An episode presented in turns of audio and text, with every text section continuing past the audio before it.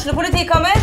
Ine Jansen er purk. Er du purk? The motherfucking bitch. Alt jeg vil, er å finne ut hva som skjedde med mannen min. Jon Carew. Er jeg sikta for noe? Iben Akeli. Det er du. Ole So, Lars Berrum og Big Daddy Karsten. Hvem sin side er du på, egentlig? Anette Hoff, Tone Danielsen, Kommer du fra Afrika? Jørnis Josef, Nesten. Kløfta. Trond Espen Seim, Det er synd å si det, men det var feil mann som døde. Purk. Premiere tirsdag på TV2 Play.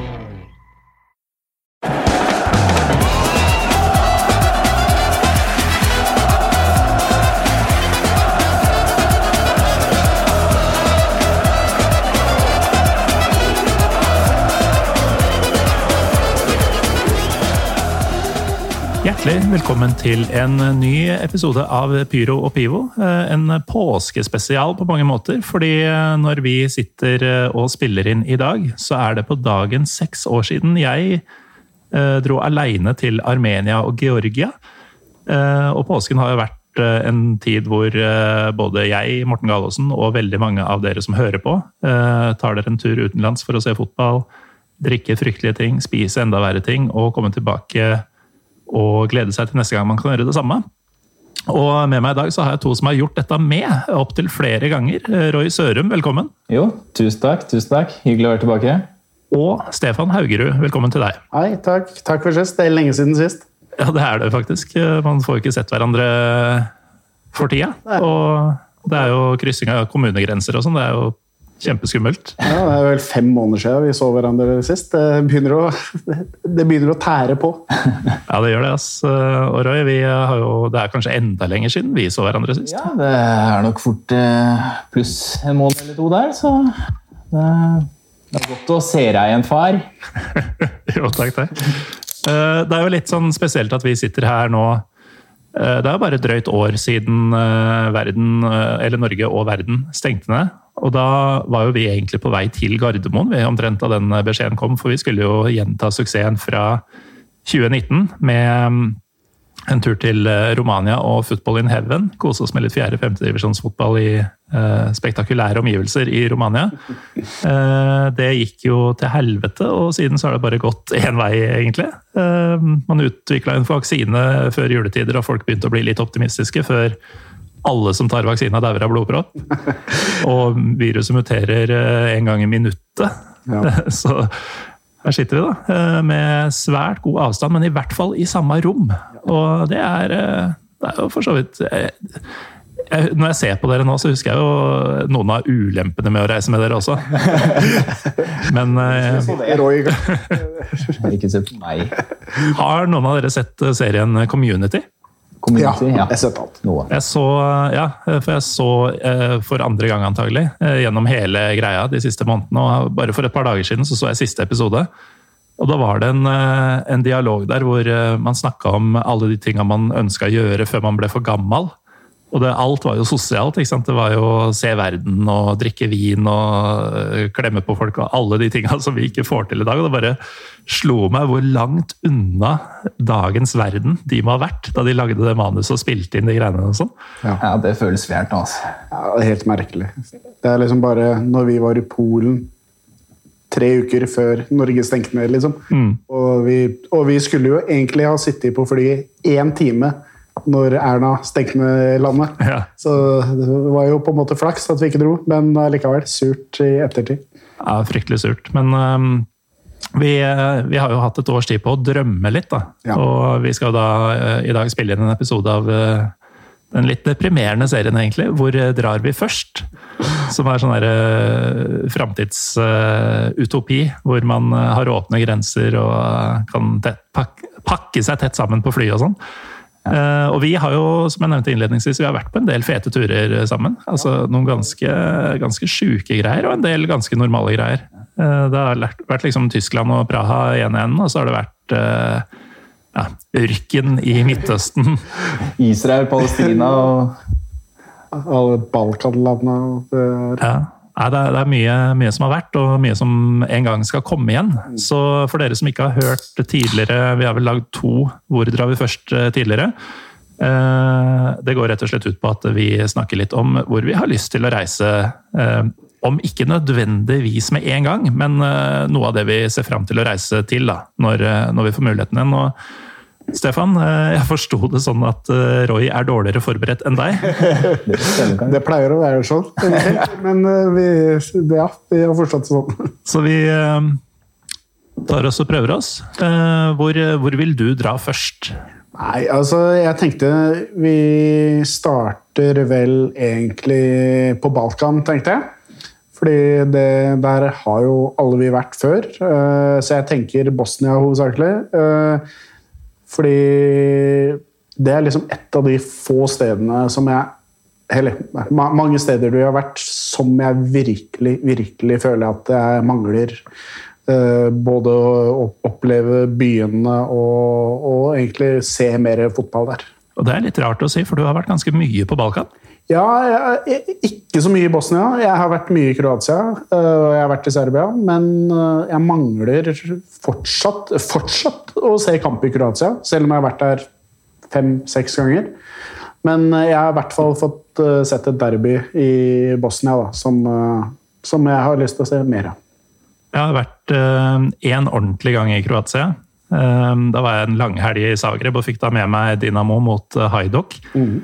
Eh, men så har jeg også vært sånn ca. ett eh, ja, ikke et døgn engang. Jeg var kanskje sånn 21 timer i eh, Kroatia på vei til Slovenia i forrige fjor, og da fikk jeg også med meg kamp. Ja. Så jeg er jo mye, mye mer effektiv enn deg. Du har jeg... lære det på, ja, på, det, Stefan? Mm. Altså, disse Kroatia-turene jeg har vært på, spesielt, har jo alltid vært på sommeren. Det er alltid, I hvert fall de to-tre siste gangene har det alltid vært mulighet for Euro, Euro, Europacup. Men hver gang har det havna bortetur først, hjemmekamp helga etter, eller et eller annet sånt. Som uh, da var vanskelig å planlegge. Men uh, mm. Og alle de andre kampene har gått andre steder i, langt, langt unna. Så ja, det er ikke så lett å planlegge. Litt uflaks også. Litt uflaks. Ja. ja men man skal ha litt uflaks når man er romeriking uh, ute i det store utland. det er ikke, kommer ikke unna det. Nei. Sist du var i Balkanområdet, vel, Roy, så tryna du opp en trapp og slo tanna di, var det ikke sånn? Eh, det stemmer. Eh, jeg har vel fortsatt ikke fått filt den heller, så den er spiss og jævlig. Mm. Ja, men eh, det, var, det, var, faktisk eh, en legendarisk kveld, da. Det var det. det var det. Eh, for de som lurer på hva vi snakker om nå, så er det vel 100 eh, og noe. Um, 104 eller noe sånt. Uh, Norvegieni Yukaushi, som betyr uh, artige nordmenn, eller noe sånt. Som vi da ble kalt av uh, andre folk på den samme turen. I avisene. ja, i, i rumenske aviser, ja. Um, Roy starta da det oppholdet med å tryne opp en trapp. for folk som tror at det ikke er mulig. Det er det. Det, det, det har Roy bevist. Uh, slo tanna si, og så gikk det noen dager, og så skulle vi hjem. Uh, men før vi rakk det, så ble Roy påkjørt av en taxi. Ja, Sånt skjer. ikke sant? Når man er på tur, så må man nesten uh, regne med slikt. Ja, ja det, det, blir jo sånn. Men Stefan, du sier Balkan. Er det noen spesifikke steder vi, vi skal til her, eller? Nei, altså Jeg har jo vært Jeg var jo så Mostar-derby i 2019 som virkelig ga blod på tann. Ja, for det være ganske heftig? Det var eh, det, altså Mostar er en veldig spesiell by mm. fordi byen er splitta på midten med, eh, av religion, rett og slett. Av, av elv og religion? Eh, ja, ja, ikke fotballreligion, men, eh, men ordentlig religion. Mm. Så, så den er jo Det er liksom et stort, stort, stort hat mellom eh, de klubba, som da er kristent og, og, muslimsk. Ja, og det er jo ikke bare religion, men det er jo etnisiteten ja, her også. Det, det altså, Mostar jo, Vi har jo vært der, vi også, Roy. Ja, det er vi også en kamp. Det, et av de beste bildene jeg har av deg, eh, ble tatt på den turen. Det var riktignok i Sarajevo, men um, det er jo veldig tydelig at den elva og altså, Det er flere bruer, men spesielt den brua som folk snakker om i Mostar Eh, det er veldig tydelig hvor skillet går. Og den byen var jo ekstremt sånn symboltung for eh, krigen for uh, nesten 30 år siden nå. For det var da, da den brua falt. Det var liksom det endelige symbolet på at nå skjærer det seg mellom de ulike etnisitetene. Og når du sier muslimer og kristne på hver sin side, så er det jo da også eh, bosniakker, eller de muslimske bosnerne på ene siden, og kroatene på andre. For de levde jo side om side. Eh, dette ligger jo i den lille fliken som heter Herzegovina, som er hovedsakelig kroatisk. Ja. Jeg husker det veldig godt når vi sto på stadion, og du ser opp på ene fjellsida, så ser du et svært kors som da ikke er veldig populært på andre sida. Så det har jo vært eh, veldig, veldig veldig mye krangling angående det korset uh, i den byen. Uh, så ja, det er uh, ligger betent, hele byen. Så det er veldig, veldig spennende å være der. Det er det. Og klubbene som du så i aksjon, er jo også veldig på hver sin side her. Ja. Um, er jo Zrinski er jo kroatisk klubb som spiller i den bosniske ligaen. Uh, som vi også har sett, Roy. Mm. Riktignok i Europacup eller Europa League. Mm. League, vet du. Kamp mot uh, Botev fra Kanarifugla fra Plovdiv i Bulgaria. Uh, og så har du da Velers, som er eh, Runar Sandvik, eh, Balkanekspressen sitt favorittlag i, i Bosnia. Ja. Som er mer, eh, mer multikultur, men er hovedsakelig mm, sånn bosniak-siden. Eh, det er en match jeg skulle ønske jeg så. Så hvordan var opplevelsen der? Nei, altså Hele den dagen var veldig spesiell, fordi jeg og en god kamerat av meg, som er bosnisk-kroat han, han er jo ofte i Kroatia, det er han jeg har vært med på tur. Eh, og vi Jeg hadde jo sagt på forhånd at jeg skal se kamp når vi skal til Kroatia. Eh, Men når alt, ingenting klaffa, så sa jeg greit, da skal vi til Bosnia. Og det, han var ikke så interessert i det, for det var et stykke unna. Så vi, men jeg fikk krangla meg til det til slutt. Da. I hvert fall når jeg fant ut at det var et Mostar-derby mens vi var der. Så hadde jo han noen kontakter som da skulle på kasino i, i, i Kroatia og spille, så vi satte på med han tilbake til, til eh, Bosnia. Så var vi innom en by som het eh, Jeg har skrevet den her med, med Jeg husker ikke åssen det er. Ja, må jeg nesten få arket ditt, Stefan. Dette prøvde vi oss på før sendinga. Eh, Det er vel noe sånn som Medjugorje, Ja, ja, eh, uten at det er noen autoritet på, på disse språka. Og, og det er jo byen der ja, m- Jomfru Maria ble sett på den eh, Ifølge hvert fall ifølge folk, da. Ifølge folk. Det er jo et veldig, en, en veldig sånn turistby. Mm. Som jeg tror det bor 4000 folk der. Og det ifølge i hvert fall det vi ble fortalt, hadde sengeplasser til 40 000. Ja. Så det er en ordentlig, ordentlig turistby. Og kristen turisme, det har vi sett eh, på nært hold før. Da vi var eh, i Betlehem på Vestbredden for eh, drøyt fire år siden. Og så var det jo busslaster med sånne eh, ja. evangelistiske amerikanske pensjonister. Som, eh, som det nesten gikk for, må det vel være lov å si. Det, Samtidig som du surra rundt og spurte om vi kunne gå et sted og finne en øl, Roy, så var det sånn det største i eh, perioder der, altså. Det, Det største folk har opplevd, liksom. Det er bare masse sånn eufori rundt deg. Og du bare sånn Kan vi gå snart, eller?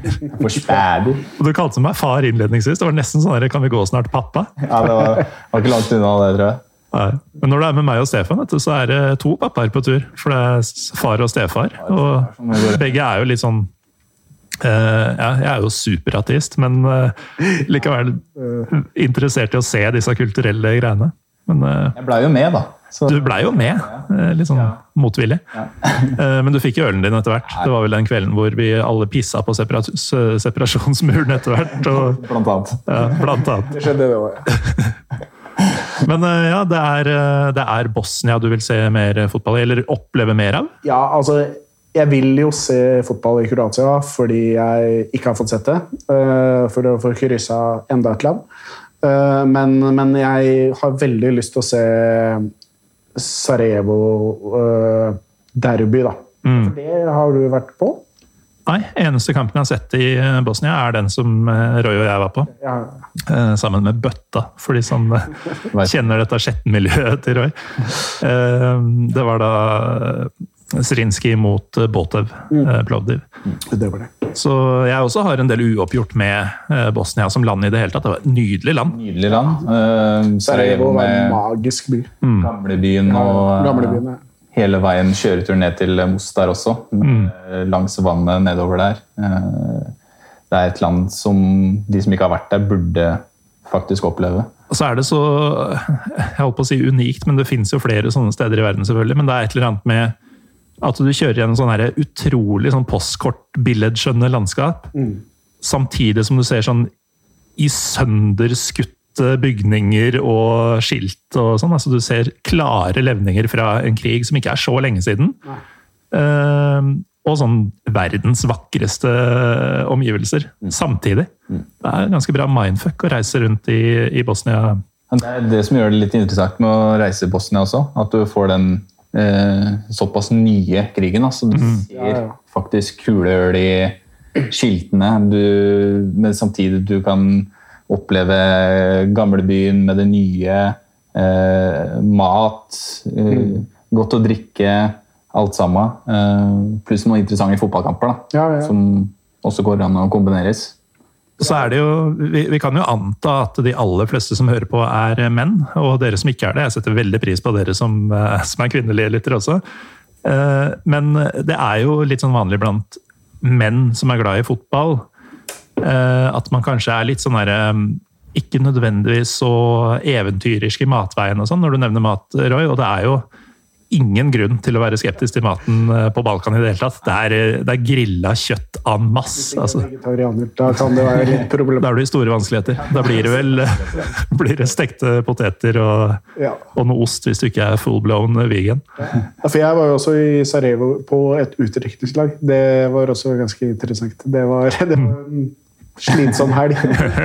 Men da var det kjøtt, og så var det sprit, og så var det Det var eh, Trenger ikke mer enn det. Nei, nei, jeg trenger ikke det. det var, eh, jeg, jeg husker så godt vi hadde en, en guide som liksom som snakka om at uh, røykeloven At de skulle få en røykelov, sånn som vi har fått i Norge og veldig mange andre land. Og han nevnte vel at det sånn 80% av voksne folk har røyka i Bosnia. Og så sa vi bare Oi, shit, er det, er det Åssen tar dere det, liksom? Og, Nei, nei. Det, det, det var ingen som kom til å bry seg om det. det. Var ikke så farlig. Det kunne bare komme. Men vi tre har jo vært i Istanbul sammen. eh, Minst én gang. Eh, Roy er flere. Eh, og da er det jo sånn der inne på restauranter og barer og sånn, så er det sånn svære sånn Sigara Ichilmes-skilt, og så står det hvor mye bota er hvis du blir tatt for å røyke og sånn. Og idet du setter deg ved et bord under et sånt svært skilt, da, så kommer jo um, kelnerne og setter ut askebeger til deg. Kunne ikke ha brydd seg er Vi har gjort vårt med å sette ut de skilta, og så ja, blir noen tatt, så er det på dem, men vi skal ikke gjøre noe Lager ikke dårlig stemning. Nei. Nei da. Nei men de, de liker å røyke på, i det sørøstlige hjørnet av Europa, og, og forbi, ikke minst. Veldig. Eh, Men det er, altså, du, du har opplevd Mostar-derbyet og ønsker å få med deg eh, Sarajevo-derbyet, Stefan. Jeg regner med at eh, det siste gjelder deg også, Roy? Ja, ja, jeg, jeg trenger jo også Mostar-derbyet, så der, eh, jeg er med på en, en ny tur til Bosnia. Det er absolutt noe som ga mersmak eh, sist vi var der. Så. Og de eh, Sarajevo-klubba er jo svære. Altså, det er ikke, ikke Beograd-derbyet, men uh, tilbake i den tida hvor uh, Har dere noen gang sett en sånn tabell fra den jugoslaviske ligaen? Det ser så sexy ut. Altså med sånn, det er eh, Svesta og Partisan, men så er det også Dinamo og Hajduk, og så er det også Sjeljesnikar og uh, Zeljesnikar, eller noe sånt. Eh, og og Velers, og så er det Olympia, Ljubljana og liksom uh, øh, det derre Vardar, Skopje. Alle disse i samme liga. Det er ikke rart at de var favoritter til å vinne VM en gang i tida. Eller var det EM? Uh, ja, det var nok EM eh, 92, da de ikke fikk bli med likevel fordi de begynte å skyte hverandre i stedet. Ja, ikke sant. Men eh, altså, de to Sarajevo-klubbene de de var jo blant de større klubbene i det gamle Jugoslavia. Og det gamle Jugoslavia var jo, selv om de ikke vant noe særlig med titler, så var det jo en fotballstormakt. Og kunne jo ha ja, nådd nye høyder i 92 og utover. Eh, Men sånn ville det seg ikke. Men eh, jeg tror vi spikrer den ganske enstemmig. Altså at eh, mer fotball og mer Bosnia det står høyt på agendaen når, eh, når verden åpner seg. Veldig. Absolutt. Eh, og da blir det Rakia. Altså, det blir så mye Rakia! Roy, hvor vil du reise først? Ja, jeg drev og um, tenkte så vidt hvordan jeg skulle starte dette her, fordi jeg tenkte på å gå gjennom nye land som jeg ikke hadde vært, men samtidig så gikk jeg for den ideen eh, land jeg har noe uoppgjort. Ja, Så du har et tema på, på dine kandidater i dag. Land jeg har vært i, men som jeg mangler eh, eh, en kamp som jeg har veldig lyst til å se. Eh, og da ramla jeg egentlig tilbake til eh, ikke så altfor lenge siden. Når en av de siste turene jeg rakk å dra på. Eh, og det er jo Marokko. Aha, Eh, bra start. den episoden eh, For du har jo vært i Pyropivo og fortalt om den Marokko-turen din. Eh, Det er jo en av de merkeligere Pyropivo-episodene. Og det, nå nærmer vi oss 200. Det, det, sier, altså, det er topp tre crazy episode. Ja, det var en legendarisk kveld med Josef Adawi, eh, som var gjesteprogramleder. Pluss-minus episode 130, veit Det er den eneste episoden du ikke har vært med på. Ja. Eh, Da var jeg så sikker, for det var Den skulle spilles inn etter siste serierunde 2019. Ja. Og da var jeg så sikker på forhånd at Lillestrøm skulle gå ned i løpet av siste serierunde, at jeg hadde forberedt meg på at vi må lage Pyro Pivo, men jeg kommer ikke til å være i stand til det. uh, og følgelig så fikk jeg da Fikk rett fikk jeg Josef Hadaoui til å vikariere for meg, og det, det blei jo som det blei. Ja, det, jeg var egentlig Jeg ble store Jeg var veldig glad jeg, etter den episoden der. Det var jo god stemning i studio da. Ja, etter hvert. Fordi jeg husker at han var jo ikke ferdig med å introdusere panelet engang, før han ba en av gjestene om å holde kjeft. Ja, det gode Malik som fikk eh, huden full før han hadde sagt hei, vel. Så, Ja, det var fint. det var morsom kveld. Men eh, var ikke du på derbykamp i, eh, Jeg var, i Marokko?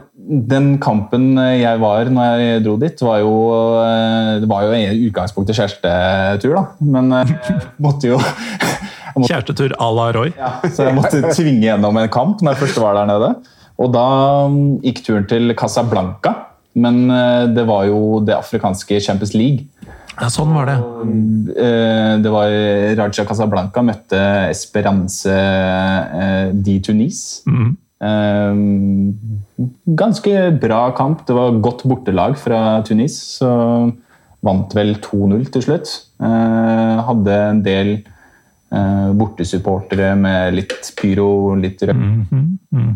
Eh, God stemning, men eh, eh, det som satte dem på en måte Det var som ga inntrykk, da, var liksom De hadde en boikott på akkurat den kampen, så de, de droppa pyro og eh, banner og sånne ting.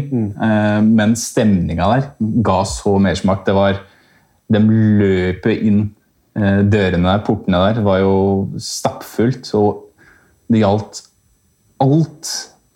Overalt var at ikke stå på eh, Vydads side, som spiller på samme stadion. Så alle klatra over murveggene og løp for å komme seg på riktig side av stadion. eh, og det fikk jo meg automatisk til å tenke på Vi må jo tilbake igjen. Ja. Vi må se Casablanca-derby. Ja, det, det må vi faktisk. Ja.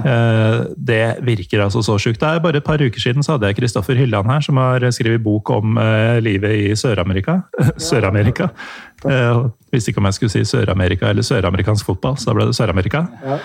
Eh, og da var vi litt innom at alle norske supportere og ultras, de, eh, de runker seg jo såre av videoer fra, fra Argentina. Men det gjør de jo også virkelig fra spesielt den matchen. Da. Altså marokkanske ultras, og da spesielt Vidad og Raja. Det er så storskala og så enorm sånn gjennomføringsevne. Det er helt Ja, helt insane. Altså. Bevegelige tifor er liksom dagligdags der.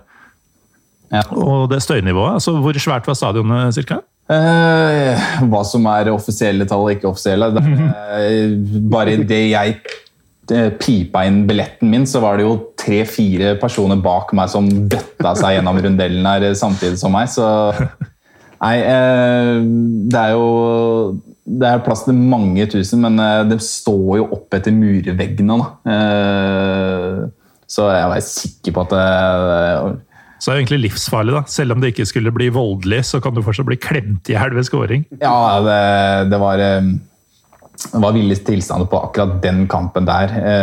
For meg, da. Jeg opplevde ganske mye syke tribuner tidligere, men det der var en helt ny opplevelse. Det var Eh, noe som ga veldig mersmak. Ikke på noe skremmende måte, helt tatt, men det var mm. noe man har lyst til å utforske mer. Da. Og spesielt den eh, Raja Casablanca, Vydad mm. Casablanca-kampen eh, står absolutt på førsteplassen min for eh, et sted jeg har vært, men har lyst til å dra tilbake igjen for å se kamp. da. Men jeg har hørt litt sånn begge veier eh, om Marokko som turistmål. Noen sier det er ganske sånn kjedelig. Andre sier jo at det er helt magisk. Hvor, eh, hvor landa du der på kjæresteturen din? Jeg var jo litt rundt omkring um, når jeg først var der nede. Uh, var der vel i var det elleve dager. Um, og det tar kanskje en dag eller to før man blir vant til kulturen. Spesielt i Marrakech så er det jo ganske innpåsliten i starten før man blir vant til hvordan det fungerer der. Ja, For der er de ekstremt vant til turister. Ja. Og, og, vant til den type turister som er veldig sånn storøyde og ja. lettlurte, kanskje. Og der der var det liksom, Jeg snudde meg til venstre for kjæresten min ropte på meg, og så snudde jeg meg til høyre igjen da, og da hadde jeg en ape på skulderen. det var nivået der, liksom. Pluss at du vingla, du måtte gå sikksakk mellom eh, kobraslanger som ble plystra opp av en hatt. Og, ja. Så det var jo veldig rart sånn med en gang man kom dit. Men det var liksom så som de fleste blir. Du, du måtte tilpasse deg hvordan eh, området og kulturen er. da. Og etter et eh, par dager så var man på en måte inn, eh, og det var eh, mye fint å se der. Mye god mat, snille folk. Som sagt, bare bli vant til kulturen i starten. da. Ja, og altså tilbake til Istanbul igjen. da. Ordentlig slitsomt sted hvis du ikke er forberedt. Ja. Men helt fantastisk når du på en måte går inn i og godtar at det er støyete og kaotisk rundt deg. Ja. Og det, jeg tror det er stikkordet at du godtar. Mm. Du må på en måte bare, Det er sånn det er her. Ja. Eh, ikke kjemp imot det. Bare ta det imot det, eller bli en av dem. Mm. Du kommer til å kose deg mye mer på turen ved å gjøre det sånn. Tenke sånn. Ja. Har noen av dere spilt uh, det gamle Aladdin-spillet på Super Nintendo? Ja. der, måten Roy fortalte om det er at du går rundt og det er liksom, plutselig har du en slange i øyet og en ape på skulderen. Og Nei, det høres ut som første brettet på det spillet. Ja, det kan, ja, det er enig. Og fra et uh, arabisktalende land hvor også franskmennene har hatt uh, mye innflytelse, til et annet, hvis jeg skjønte riktig, Stefan? Ja, jeg tenkte vi må jo nesten tilbake til uh, der vi har vært kanskje på de sjukeste turene vi har vært. Det er jo Midtøsten, da. Mm. vi har jo vært i både Jordan og Israel og ja, diverse steder, så, så jeg tenkte at vi skulle hoppe til Libanon. da. Libanon, det Det er liksom det jeg føler vi mangler akkurat der. Libanon er litt sånn the one that got away ja. for oss alle tre. For det har vi snakka om i mange år uten å få til. Skulle jo dit, men eh, så blei det, ble det endra. Planendringer. Planendringer, fly, flybilletter og mellomlandinger og alt sånt. Så da blei det ikke noe av. Ja, det, det, må vi jo si, både, både Jordan-turen og Israel-Palestina-turen. Uh, Israel-Palestina har vi forresten en episode om. Tror det er nummer 20. Mm. Jordan dreit vi å lage episode om fordi det var så lite fotball. det var jo null fotball. Vi fikk med oss en treningskamp eh, som vi måtte gå fra fem minutter før var slutt eh, for å rekke flyet hjem. Eh, treningslandskamp mellom Jordan og Singapore, som endte 0-0 i regnet. Ja, det var høydere, altså. Ja, det var ikke nok å lage episode om. Selv ikke for Pyro og Pivo. Nei, selv ikke for oss. det. Men uh, på begge de turene så var det jo sånn flytidene altså Det er jo et helvete å komme seg til og fra. Altså Enten har du ekstremt lange mellomlandinger, eller så har du ekstremt korte mellomlandinger. Mm. Og uansett hva du velger, så kommer du fram eller reiser hjem midt på natta. Det er liksom uh, Da vi skulle hjem fra Amman, så gikk vel flyet vårt sånn i 11-12-tida derfra. Og så havna vi på Kastrup i tretida og var der til klokka 11 eller noe sånt da vi skulle fly hjem. Sov på flyet. Ja, det var brutale greier, altså. Det var så gøy. Men eh, til tross for det, så tror du det er verdt å ta en tur til Libanon, altså? Ja, jeg har veldig troa på Libanon. Eh, For det første så er jo Libanon blir jo kalt da eh, Midtøstens Paris. Ja, eller eh, Beirut, hovedstaden. Beirut, men ja, er Midtøstens Paris. Så det skal jo være en veldig vakker by. I tillegg så skal jo det kvinnelige folket være veldig, veldig, veldig vakkert.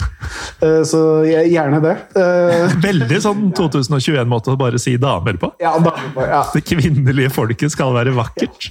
Altså, Det er fine damer der, har eh, Stefan Ja, hørt. ja, det, Det er fine chickas der. Det er, Eh, En annen ting som gjør det spennende, er jo at det er jo én, to, tre, fire, fem, sju byer, lag i Beirut Ja, som spiller i øverste divisjon.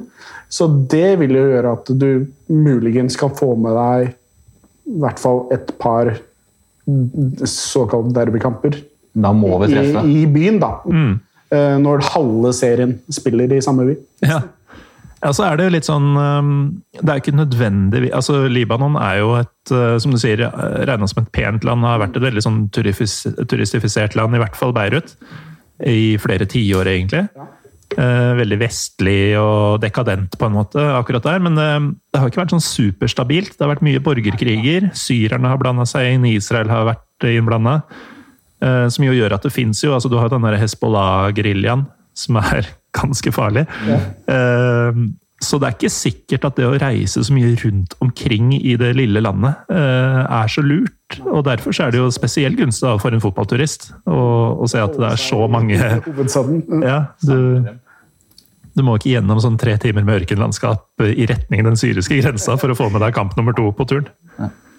Eh, Men eh, libanesisk mat, det er jo også rimelig berømt. Altså nå er jo Vi snakka litt om mat eh, Egentlig snakka vi ikke om maten i det hele tatt fra Marokko. Nei, men, men, eh, eh, men vi nevnte maten på Balkan, som er mye grilla kjøtt og eh, Det vi ikke nevnte, var at det også er, i hvert fall i Kroatia, da, som har mye kyst, så er det jo mye sjømat også.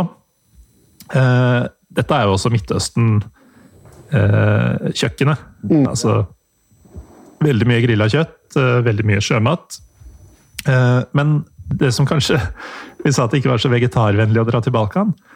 Eh, Det er det jo i høyeste grad i, eh, i Midtøsten. Altså Når vi har vært på disse turene våre, så er jo det vi har kost oss mest med, er jo disse små dippene og, og siderettene. Altså baba ganoush og hummus og Hummusen der nede. Var det Ja, herregud, det godt, libanesisk hummus vi spiste i, når vi var i Ja, ja! det- I, eh, I Amman så var det en egen hummus som ble kalt Beiruti-hummus. Ja, eh, Som var mye jeg ja. Det var masse greier i den. Sånn, mye, mye persille og jeg tror det var mer hvitløk og det var mer smak og mer styr. Apropos hvitløk. Den derre ekstremt intense den hvitløkspateen, tom, den, eh, den sliter du med hvis du, hvis du tror du tar hummus og liksom kjører på sånn tjukt lag på pitabrødet. Merker den. Og så bare renner det uh, hvitløk ut av alle porene dine. Og så drar du på nattklubb. Ja. ja. Og da er disse, dette kvinnelige folket som skal være vakkert, uh, kanskje litt vanskeligere å komme i kontakt med. Kan være. Kan. Det har vel ganske bra uteliv i Beirut også, som Ja, er ganske kjent for det. Mm. Så det også er jo for de som liker det. Pluss. Ja, og det, det er jo en del av en god tur. Ja, ja, ja. Å ta seg, ta seg noen glass ute blant uh, folket. Svinge seg litt med de lokale. Tar en sånn tur ut Vieta. ja det, det, det har skjedd. Det blei ut i Beirut, kan vi si, når vi har vært der. Lett. Men uh, hva Altså, du, du nevnte at det var mange lag i hovedstaden, men vi, vi, vi ljuger vel hvis vi sier at vi har sånn kjempeforventninger til både kvaliteten på fotballen og tribunelivet. For eh, der vi har sett altså både opplevd og sett videoer fra Balkan og Marokko, så er jo det er jo ingen som setter på en YouTube-video av eh, Ultras eh, Libanon. Nei, det, det, det er sant. Altså, sånn var det jo når vi var i Jordan også. Eller det lille vi så av jordansk fotball. Men det er jo ikke kjent for å være god fotball heller. Og det var jo ikke super ja, I Israel var det jo litt, litt liv, eh, men allikevel, det, jo ikke, det kan ikke måle seg med Balkan eller ja, Tyrkia eller egentlig veldig mye europeiske land, da. Nei um... Eller søramerikanske andre steder. Nei, eh, absolutt. Men uh, apropos denne matchen vi så i Jordan, siden vi aldri lagde noen episode på det. er kanskje den mest uh, bisarre tribunekulturen uh, vi har vært borti, Roy? Ja, hva var det egentlig som skjedde? Det, Ja, men det, det lurer jeg også på. Halvannet år etterpå. Så, hva var det egentlig som foregikk der? vi, vi kom inn, og det var satt en klekk på venstre side for oss, der vi sto og satt. 20-30 stykker eller noe. Ja, og så løp av eh, I sånne små perioder i løpet av kampen så flytta de seg. Bare sånne små steg. litt sånn Plutselig så var de ti meter unna, og så beveget de seg på andre sida mot høyre. Og så, Så sto de og tulla. lagde litt eh, leven, og så satte de seg ned og tok seg en røyk. Ja, Og så satt de jo hele lenge, liksom. Og når de var på, så var det jo sånn superkoreografert. Da var det de samme bevegelsene, og det, det så bra ut og hørtes relativt ok ut i regnet uten tak eh, på et sånn løpebanestadion, hvis jeg ikke husker helt feil. Stemmer det? Eh, og så var det sånn, Etter at de hadde gjort det i store deler av første omgang, og flytta litt på seg, men hver gang de hadde funnet et nytt sted, så ble det mer liv og sånn. Og så til slutt så bare satte de seg opp i et hjørne, og så virka det som de hadde lunsjpause. eller noe sånt. Og så hørte vi ikke noe mer til dem. Var de ansatt, eller hva, hva var greia? da? Kanskje det. De tok, tok pause. Nei, ja, sånn, det, de virka, virka samkjørt, og de lagde jo egentlig ganske bra liv til å være så på. Mm. Ja, når de, når de gadd. Ja, når de gadd. Så virka det som sånn fotballgærninger. Ja. Helt til det bare sånn Nei, nå, nå har vi pause. Ja, Og så synkront stopp. Ja. Det var Tromma bare stoppa, så bare satte de seg ned. Ferdig. Nå Jeg ikke mer. aldri sett grupper som sånn systematisk bytter område på tribunen sånn med jevne mellomrom. De flytta seg faktisk ganske store avstander, egentlig. Ja. Det var merkelig å se på. Og så var det synkront stopp.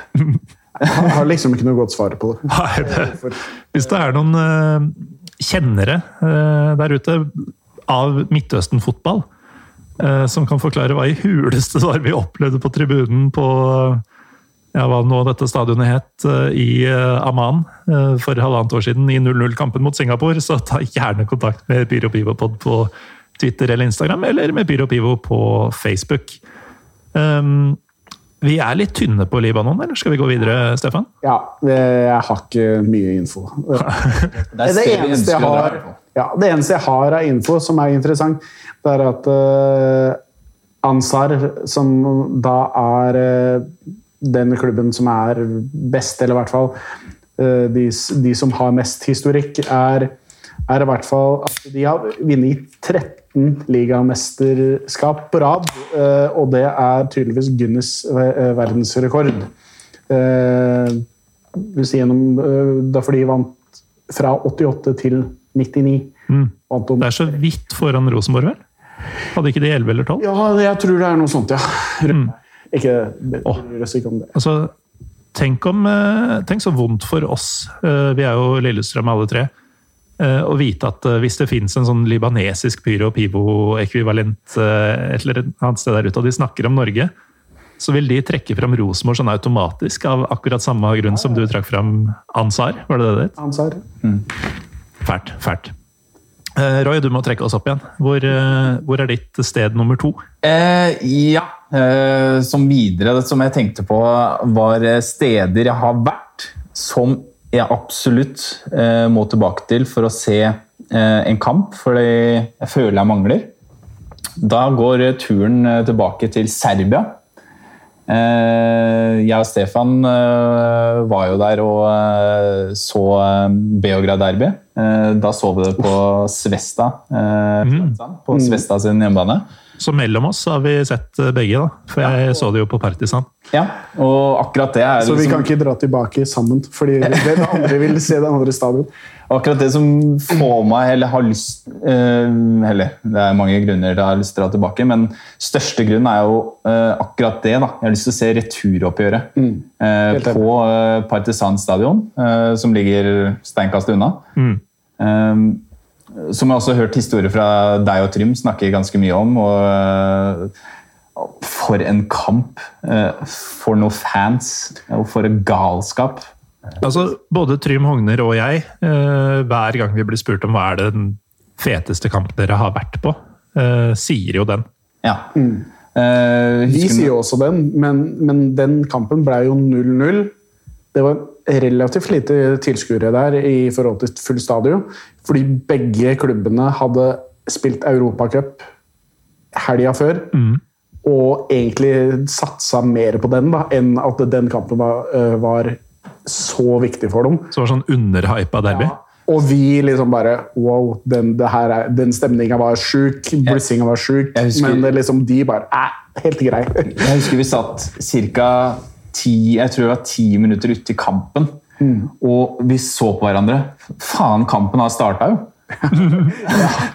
det var så Det har pågått en mye stund. kok på begge sider av korttribunene der. Eh, bomber som smellgranater og pyro og røyk og eh, alt som var. Eh, og det tok jo flere minutter da, før vi skjønte at kampen helt tatt var eh, blåst i gang. Eh, selv om Partisan på den kampen der kjørte en stilleaksjon i første, Første omgang. første omgang, før det tok helt av i starten av andre. Men Det så, var en gutt som hadde blitt drept uh, før, en uke før kampen. Så de hadde liksom stilleauksjon, og, og så fyrte de på med en kjempebanner av han gutten. Og så var bare var det fullt kjør resten av andre omgang. Det var ganske mm. tente på seter Ja, ja. og abs. Så- sånn som det sånn det pleier å- være, egentlig. Men eh, Roy, du som har vært eh, begge steder, altså mm, apropos steder som eh, norske ultras liker å kose seg litt med kroppen sin mens de ser på videoer. Beograd er jo også et av de stedene man virkelig få valuta for penga, da, hvis man skal se noen seriøse tribunevideoer. Men uh, du har vært både i Beograd og Casablanca. Eh, Åssen vil du sette de to opp mot hverandre?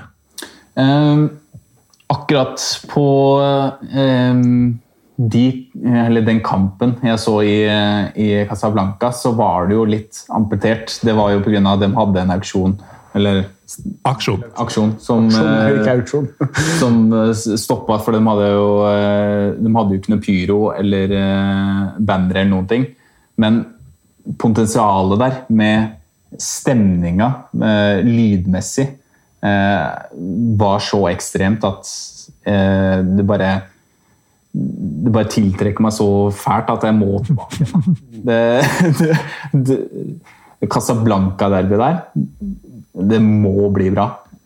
For alle som har sett uh, mye sånn 80-talls metal-konserter og sånn, uh, f.eks. Ronny James Dio, så satt Roy nå med sånn derre dirrende hånd, uh, som om han holder et kjempestort eple, Uh, mens han snakka om eh, Casablanca. Altså, tro meg, dere som hører på, Roy vil tilbake og se det derbyet. Vi skal uh, tvinge med oss eh, Josef Hadaoui ned til Casablanca. Og så skal vi se det der Casablanca-derbyet. Det, det har han jo for så vidt lovt oss, så det må han jo nesten stå for. Ja, ja vi, vi, vi får se. Men eh, du vil altså tilbake til Beograd for å se, eh, se det samme oppgjøret som du har sett, bare på det andre stadionet. Eh, og det er jo fullt forståelig, fordi altså, Partisan stadion er jo vesentlig mindre. Det er ca. 30 000 mot uh, Svestas 50.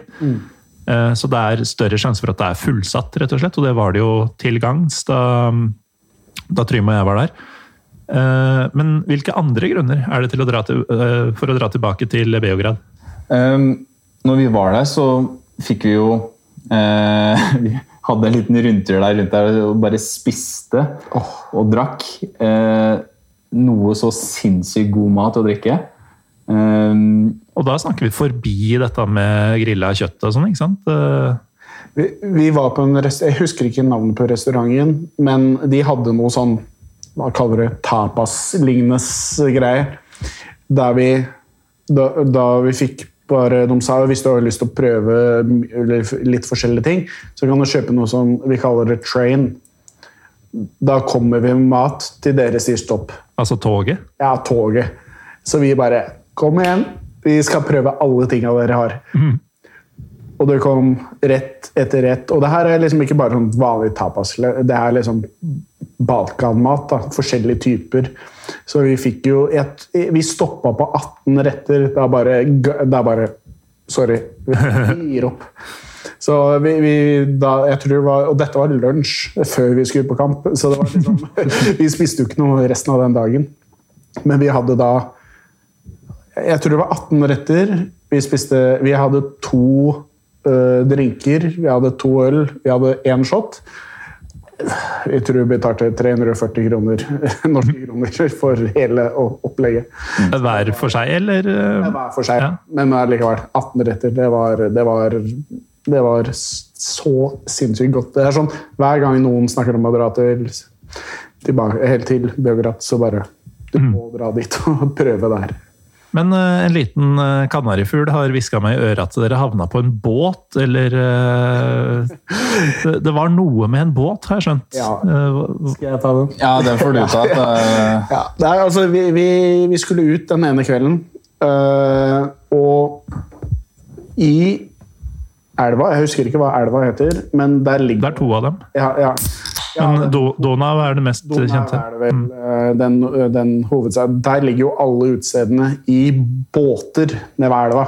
Så det er kjempesvære båter som du da har rett og slett utesteder på båtene. Så vi, vi, tenkte vi stikker dit. Nei, kom ikke inn.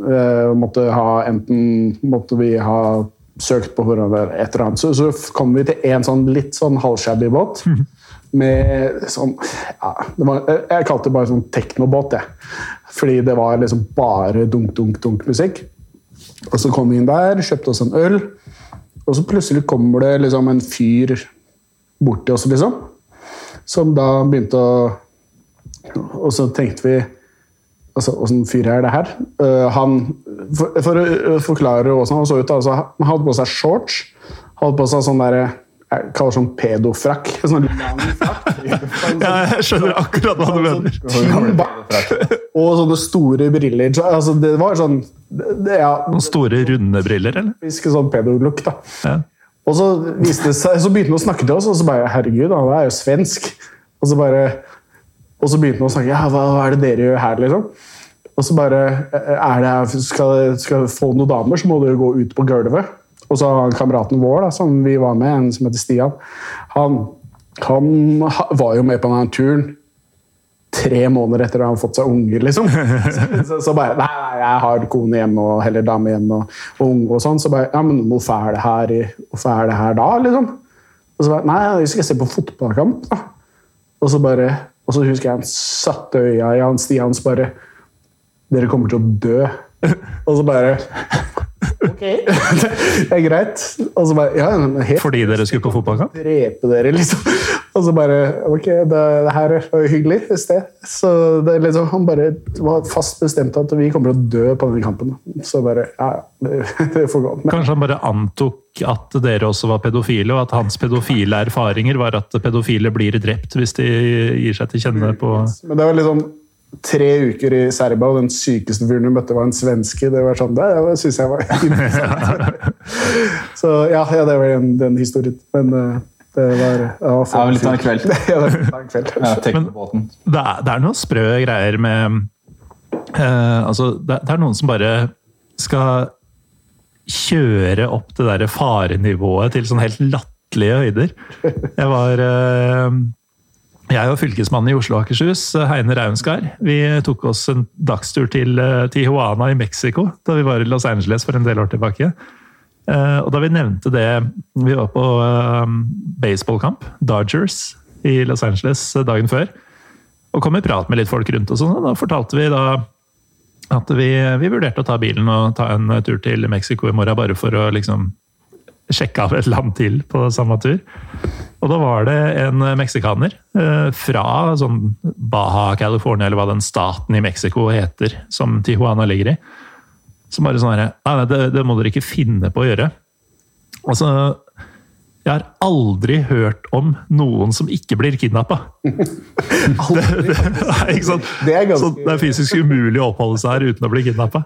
Og det var sånn det beste som kunne skje oss, var om vi ble kidnappa. Det skjedde jo selvfølgelig ingenting. Vi satte oss på en uteservering og drakk litt nesten gratis og spiste noen nachos med den beste salsaen jeg noensinne har smakt, og så gikk litt rundt i byen. Eh, Ble forsøkt shanghaia inn av De hadde sånn innkastere, ikke på utesteder, men på apoteker. Det var sånn. Hey, you guys uh, want uh, drugs? You want girls? We have backroom. Det var sånn, det står det ikke farmasia der, liksom. Jo, it's a pharmacy, but we have backroom. We have drugs, we have women. og det, var sånn, og det, det, det var ikke ett sted. Det var sånn alle apoteka hadde innkastere og skulle drive og frisse seg med chicks og narkotika. Konkurrere mot hverandre, ikke sant? Ja, men det er sånn Får ikke det på Vita. Eller? Nei, men så er det også veldig Det er få karteller her eh, i bydel Frogner. Det er sant. Men eh, nok om det. Vi har eh, tid til et sted til, tror jeg. Um, Kanskje vi skal ta din siste? Ja, ja. Jeg har jo vært i Tyrkia med deg, Morten, flere ganger. Mm. som sagt. Men jeg har det har gått så vidt bra hver gang. uh, ja, det, det stemmer jo det også. Uh, men det er liksom én kamp som Eller det er flere kamper, men én spesiell kamp da, som jeg absolutt ønsker å se, det er jo Fenerbahçe Galatasaray. Uh, hørt deg snakke tusen ganger om det. Jeg har vært på den et par ganger. Ja, ikke sant. Nå, ja. Eh, Og, YouTube-videoer eh, har vi også alle sett fra der. Eh, Vi har jo flere venner eh, som vi kjenner der nede, og altfor lenge siden jeg har vært der nede. Ja. Så det er også en sted, eller et sted som jeg har lyst til å dra tilbake til. Der også er det jo Fotballen er jo nokså bra der. Jo da. Eh, og tribunemessig så er det jo på sitt beste eh, absolutt noe å få med seg. Mm. det kan jo du bekrefte også, Morten. Ja, er gæren. Det er jo det du tror du veit om eh, tyrkisk fotball og tyrkiske tribuner, det får du eh, understreka med ganske mange streker eh, ved å dra dit. Og eh, det er jo noe med den gjestfriheten da, som, som vi alle tre har opplevd der. Ja. Eh, Den gjelder jo faktisk også på tribunen. Altså, jeg er jo Union Berlin-fan, og det er jo en veldig sånn varm klubb, virker det som utad. Jeg har ikke én eneste sånn venn fra x antall møter eller kamper på tribunen der, fordi de vil ikke ha deg der, på en måte. De, de ønsker seg ikke outsiders. Mens i Tyrkia så er det jo sånn herre Shit, har du kommet helt fra et sted jeg ikke har hørt om for å se på mitt lag? Kom inn i klumpen her! da. Så du, du er jo hjertelig altså Du trenger ikke å kunne et ord tyrkisk eller uttale navnet på klubben engang, før du er hjertelig velkommen inn på tribunen. og Det er ikke noe sånn press på at du skal lage stemning. Det er press på folk rundt deg for at de ikke skal kødde med deg. og sånn. Eh, helt vanvittig sånn eh, inkluderende eh, å dra dit. Det, det opplevde jo du, Stefan. Jeg har jo bare vært der én gang. Mm. Eh, men litt av en gang. Ja, det var jo vi, Hvor mange var vi? Vi var 14 stykker som, Mm. fra Lillestrøm-miljøet som dro.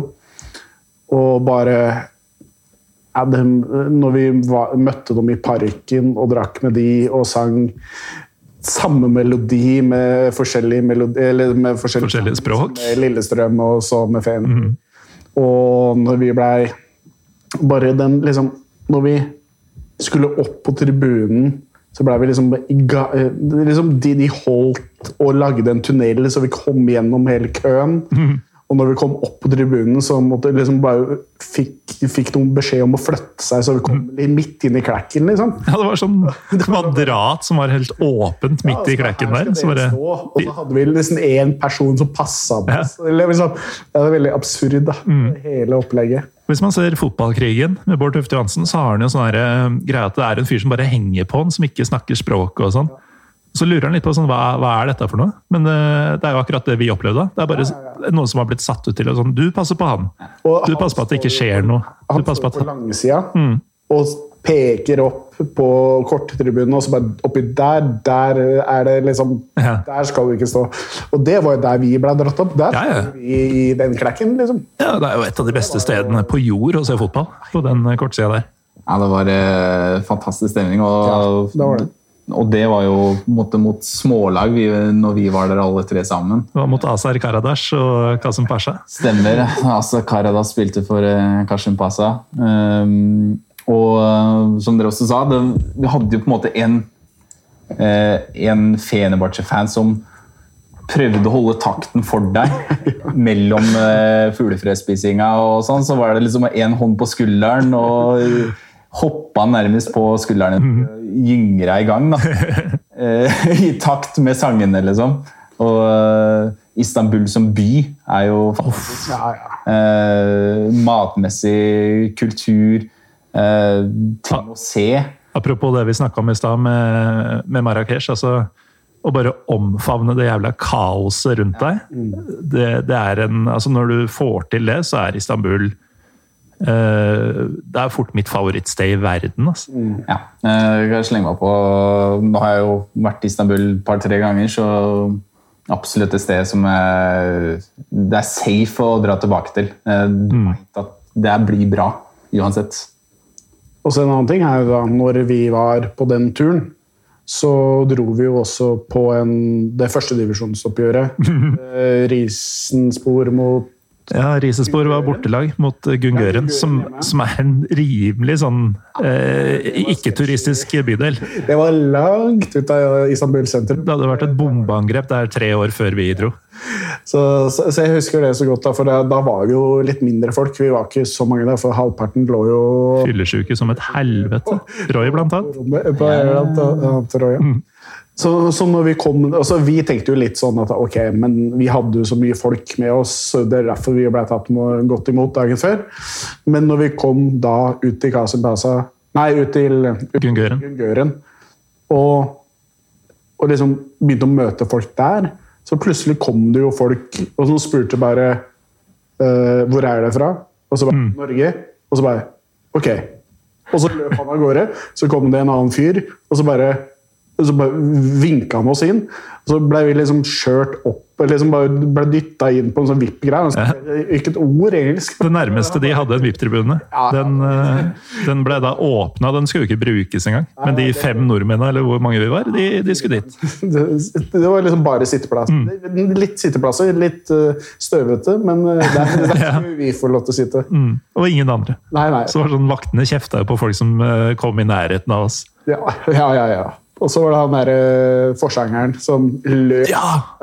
Altså, Han må ha løpt flere kilometer. tror jeg. Derfor løp bare fram og tilbake ned. Han løp vel dobbelt så mye som en linjemann. Ja, ja. Fordi han fulgte jo spillet på samme måte, men han gjorde det altså, over hele banelengden. Sånn merkelig, merkelig situasjon. Fyr i, fyr i baris som bare beina fram og tilbake for å fortelle linjemann og, og forsvarsfirer og press, eh, førsteforsvarspressledd og alt mulig åssen de skulle gjøre jobben sin.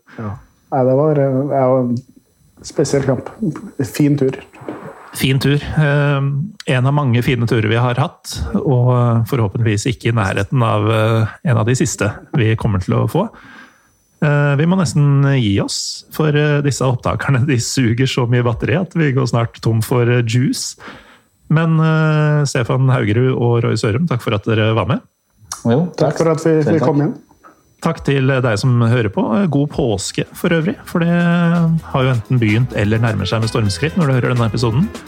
Eh, Jeg heter fortsatt Morten Galaasen, og vi er sannsynligvis tilbake eh, om en ukes tid. Ha det bra!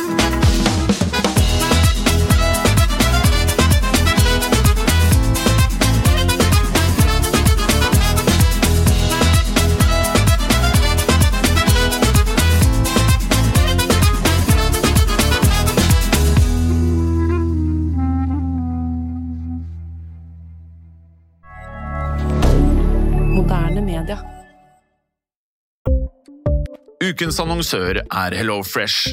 HelloFresh er verdens ledende matkasseleverandør og kan være redningen i en travel hverdag. Mange av oss har nok vandret i butikken både sultne og uten en plan for middagen, som ender med at vi går for de samme kjedelige rettene gang på gang. Middag burde være dagens høydepunkt, Som HelloFresh Hello Fresh kan du nå velge mellom 25 ulike retter hver eneste uke, eller få Hello Fresh til å sette sammen menyen for deg. Dette gir deg muligheten til å prøve nye og spennende retter alene eller sammen med familien. Du velger antall porsjoner og får alt levert på døren på et tidspunkt som passer for deg. Oppskriftene er enkle, og maten er lett å lage både for store og for små. Ved å få alt levert hjem får du også mer tid til å dele matgleden med familie og venner. Kanskje det frister med asiatiske tacos eller greskinspirert kylling? Da kan jeg anbefale deg om å gå inn på hellofresh.no.